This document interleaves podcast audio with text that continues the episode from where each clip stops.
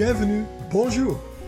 Welkom bij de Paris Podcast. Een podcast waarin Patricia Witkamp in gesprek gaat met creatievelingen en ondernemende bijzondere personen die een speciale band hebben met Parijs of in Parijs of Frankrijk zijn gevestigd. Patricia heeft een ongekende passie voor Parijs en ze wil jou graag inspireren. Veel luisterplezier. Welkom Johan Mols in deze podcast. Goeiedag Patricia. Johan, ik, uh, ik heb ontzettend veel zin in dit gesprek. Ik ga jou echt wel eerst even introduceren voor de luisteraars. Sinds 2014 ben jij, Johan, werkzaam op het Atelier Nederlandais. En het Atelier Nederlandais is het platform van de Nederlandse ambassade in Parijs voor de creatieve en culturele sector.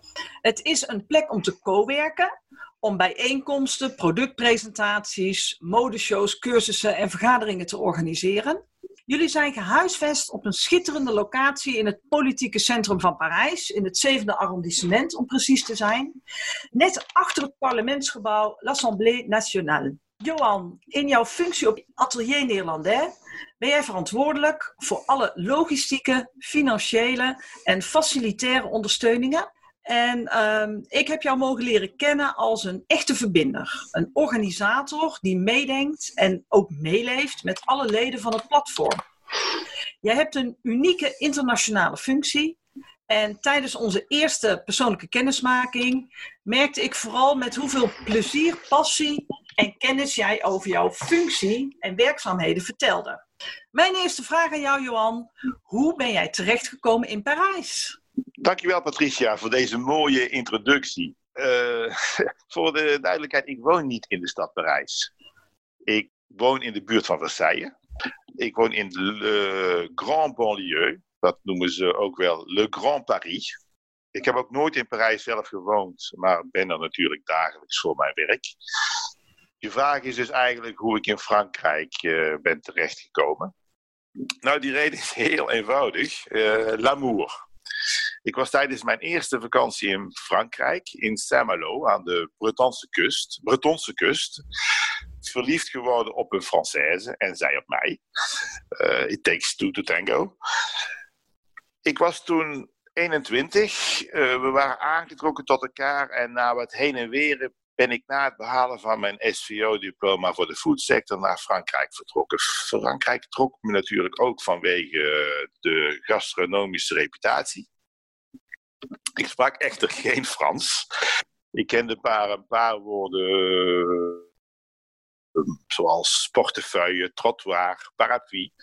Uh, ik kon naar de tijd vragen. Quelle heure est-il? Nou, ook handig. Dat was in 1983. Destijds was het nog relatief eenvoudig om een baan te vinden. Uh, woensdag had ik mijn diploma op zak in Nederland. Ik ben op zaterdag verhuisd met een koffer in de achterbak en een, Imperial, een matras op de Imperial. De woensdag erop heb ik een baan gevonden in een slagerswinkel. Ja, er moest brood op de plank komen, ik moest geld verdienen. Uh, je moet je voorstellen, een slagerswinkel, uh, Franse slagerswinkel uit de jaren 70 met zaagsel op de vloer. Ik keek met ogen uit van verbazing. Het ik net een reis terug in de tijd. Zo ouderwets en folklorisch allemaal. Ja, dat geloof ik wel. Ja, zoals ik je zei, ik sprak geen woord Frans.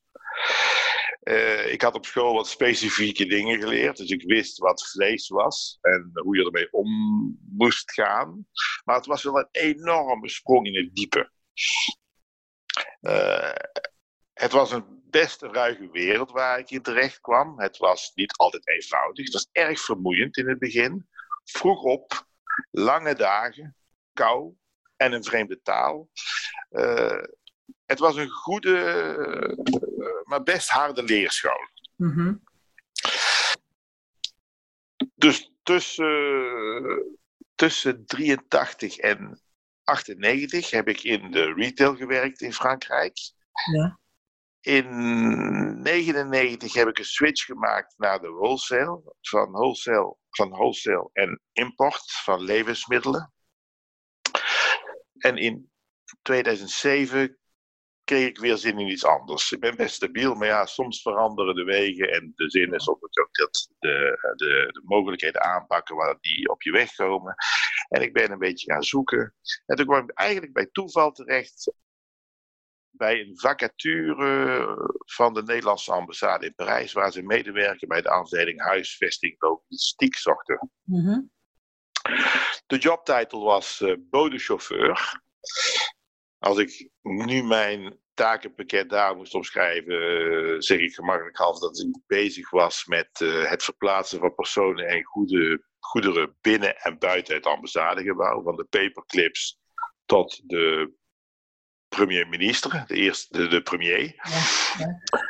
En alles wat ertussen zat. Ja. De, ja, een hele leuke en interessante baan. Uh, veel ondersteuning. En van daaruit ben ik eigenlijk in 2014 uh, overgestapt naar het Atelier Nederlandais. Atelier is toen opgericht. En daar was facilitaire ondersteuning nodig. Nou, ze hadden daar uh, een doener nodig die in oplossingen dacht en die ook een spijker in de muur kon slaan. Dat zeiden ze destijds. Nou, ze dachten daarbij aan mij, dus uh, vandaar dat ik naar het atelier in Irlandais ging vanuit de ambassade. Ik ben toen in contact gekomen met de toenmalige kwartiermaker en later coördinator van het atelier in Irlandais, Caroline van Tilburg. Caroline werkt nu uh, op de ambassade in Tokio. Caroline, als je luistert, uh, groetjes uit Parijs. Ja, groetjes vanuit Nederland ook, ja. Samen dus ook met de andere collega's en de ruim 100 leden van de vereniging Atelier heeft het gelukt uh, in, die, in de laatste zes jaar een mooie springplank op te zetten voor Nederlandse ondernemers uit de creatieve en culturele sector. We hebben echt mooie dingen gedaan sinds ons begin masterclasses, conferences, modeshows, exposities van leden. En in de toekomst zijn er andere ambitieuze plannen, bijvoorbeeld onder leiding van Friso Wijnen, hoofdcultuur en communicatie van de Nederlandse ambassade in Parijs, zijn er open calls uitgeschreven voor de grote fotoweek en voor de moderne kunstbeurs in Parijs, die in het najaar van dit jaar plaats gaan vinden. Oké. De winnaars zijn inmiddels bekend. Ja. Uh, dus dat zal binnenkort ook uh, op de social media's verschijnen. Oké. Okay. Um, ja, dank voor jouw antwoord. Ik, uh, ik vind het heel bijzonder dat jij voor de liefde naar Parijs bent gegaan. Dat jij je draai goed hebt kunnen vinden, Johan. Hè, zowel privé als zakelijk. Ik denk dat wij uh, nog wel eens een privé uh, gesprek aangaan om uitgebreid verder te, te praten over al jouw avonturen. Um, maar ik wil je nu eigenlijk een vraag stellen die ik graag in elke podcast stel. Wat zijn volgens jou de verschillen, en dan ook de grootste verschillen in het zaken doen tussen de Nederlanders en de Fransen? De verschillen lijken vaak groter dan ze zijn. Maar de devil is volgens mij in de details. Ja. Over het algemeen voelen we Neder wij Nederlanders ons best in orde met een bepaalde directheid. Ja. Frans uh, zet dat nogal gemakkelijk op het verkeerde been. Het is niet, en dat is niet handig als je iets wilt bereiken eh, met een Frans man of Frans vrouw. Française, sorry. Uh, de Fransen hebben wat meer empathie nodig, iets meer subtiels. Uh, pas op, het zijn ook beruchte onderhandelaren. Ze doen het gewoon anders. Het, zijn, ze hebben, het heeft wat meer tijd nodig om, het juiste, op, op om op het juiste moment te komen om de deal te maken. Ik geef een voorbeeld.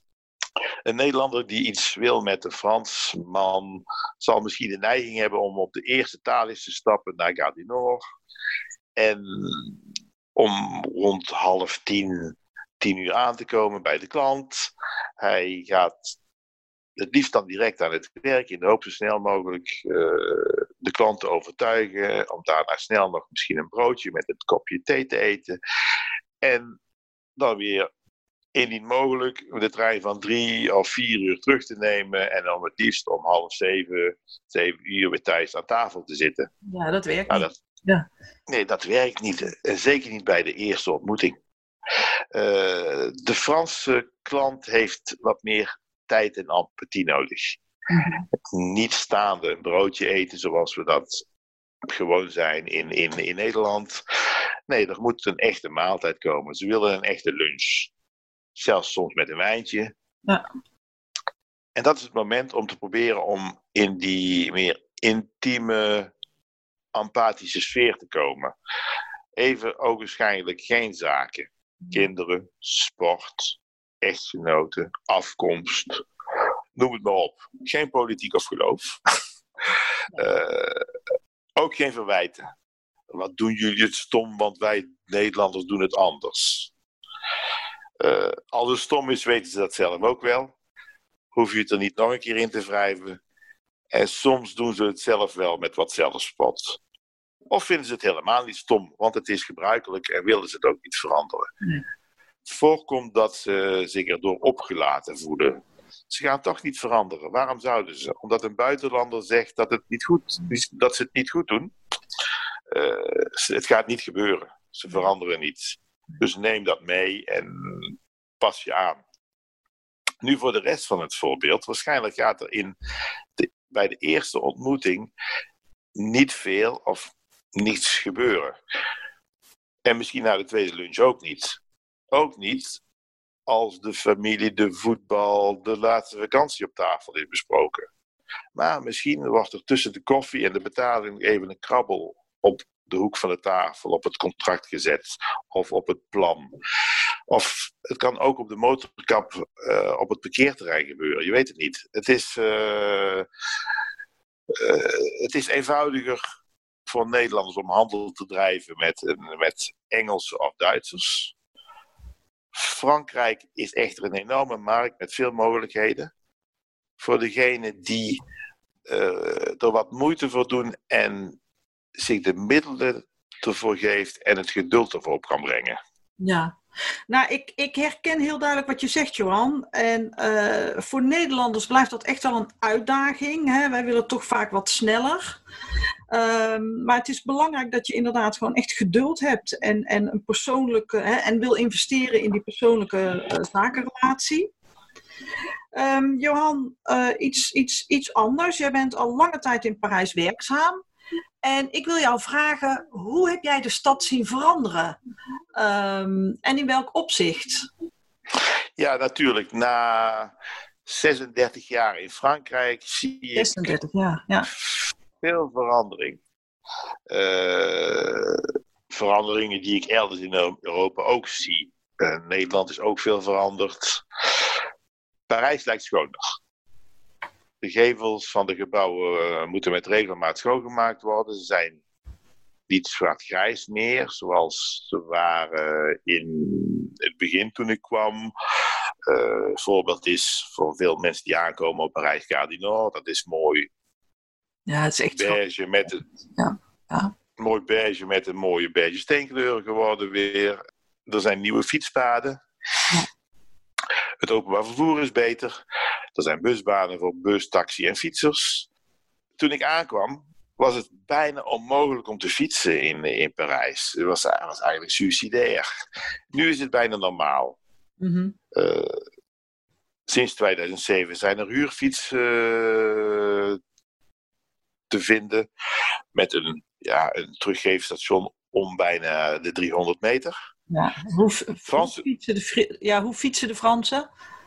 Ja, ze kunnen niet fietsen eigenlijk. Ze fietsen zeker niet als de Nederlanders. Alhoewel ik heb wel botsingen heb gezien in Amsterdam.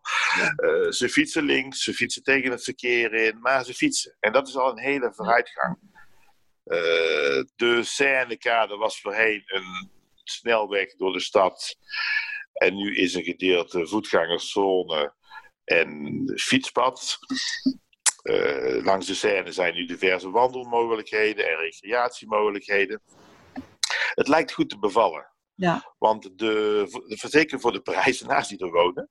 Want de burgemeester van Parijs, Anne Hidalgo, ja, die hier veel heeft gedaan, is net weer herkozen enkele weken geleden. Ja, ja en uh, er wordt erg veel geïnvesteerd. Um, veel projecten op het gebied van duurzaamheid. Hè, een van haar stokpaardjes. Zeker ook met aanloop naar de Olympische Spelen in 2024. En uh, ik las van de week ook dat uh, zeker, hè, nu in deze bijzondere tijden, toch ook Paris Plage weer doorgaat in augustus. Hè, het strand wat ze maken aan een van de Seinekades. Dus um, ja, volop positieve veranderingen. Um, Johan, iets totaal anders. Heb jij een levensmotto wat bij jouw persoonlijkheid past? Ja, ik heb er, ik heb er eigenlijk twee die goed bij me passen. Oké. Okay. Um, ik weet niet in welke volgorde, volgorde ik ze moet noemen. Dat maakt niet uit, denk ik. Ze lijken niets met elkaar te maken te hebben, maar ja. in wezen hebben ze dat wel. En zeker voor mij. De eerste zou misschien zijn serieus zijn, maar jezelf niet te serieus nemen. Oké. Okay. Mm En de tweede, het leven is net een frikadel, je moet hem zelf speciaal maken. Ik denk dat beide me best lukt of gelukt is. Ja, nou, ik, uh, Johan, ik heb jou de laatste maanden leren kennen. En um, ja, ik vind die levensmotto's allebei wel bij jou passen. Ik, uh, ik zie jou als een persoon die heel intuïtief te werk gaat. En dat vind ik heel fijn. ik heb het idee dat jou, Johan Mols gewoon altijd Johan Mols is. En de frikandel is misschien wel een mooi bruggetje naar de laatste vraag. Is wat mis jij van Nederland? Hoewel, je misschien, hoewel dat misschien op de ambassade meevalt, want je bent natuurlijk wel omringd door Nederlanders. Ja, dat klopt. Ik ben eigenlijk uh, uh, sinds, de, sinds ik op de ambassade ben altijd omringd met Nederlanders. Meer als met Fransen, wat voorheen, het, voorheen anders was. Mm -hmm. ik mis eigenlijk niet veel uit Nederland. Nee. Omdat mijn leven hier is. Ik ben... Ik hou van Fransen en van Frankrijk. Uh, als ik natuurlijk, als ik in Nederland ben, dan denk ik uh, van, dan zijn er wat dingen waarvan ik denk van, oh ja, lekker, leuk, praktisch en zo.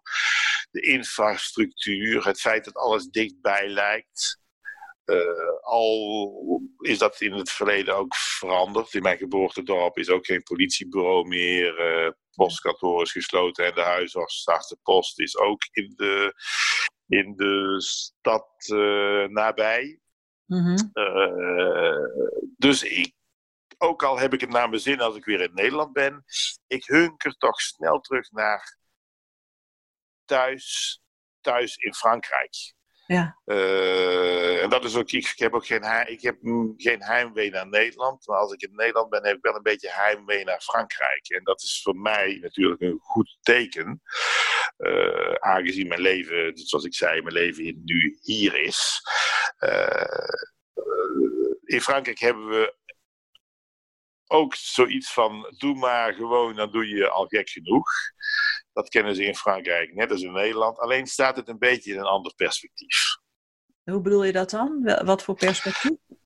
Nou, het is. Uh, uh, bijvoorbeeld in, Nederland, in Frankrijk hoef je niet de nieuwste auto voor de deur te hebben. Er mag een deuk in je auto zitten. Uh, er wordt minder naar de buren gekeken van hoe dingen gedaan worden. Dat is een beetje. Dus eh, in dat perspectief eigenlijk. Ja, ja, ik snap wel wat je bedoelt.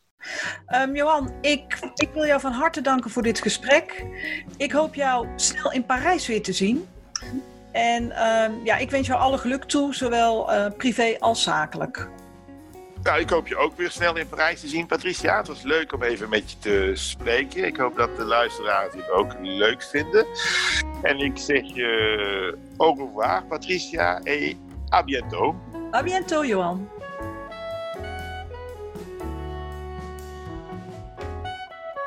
Dankjewel voor het luisteren naar deze Paris-podcast.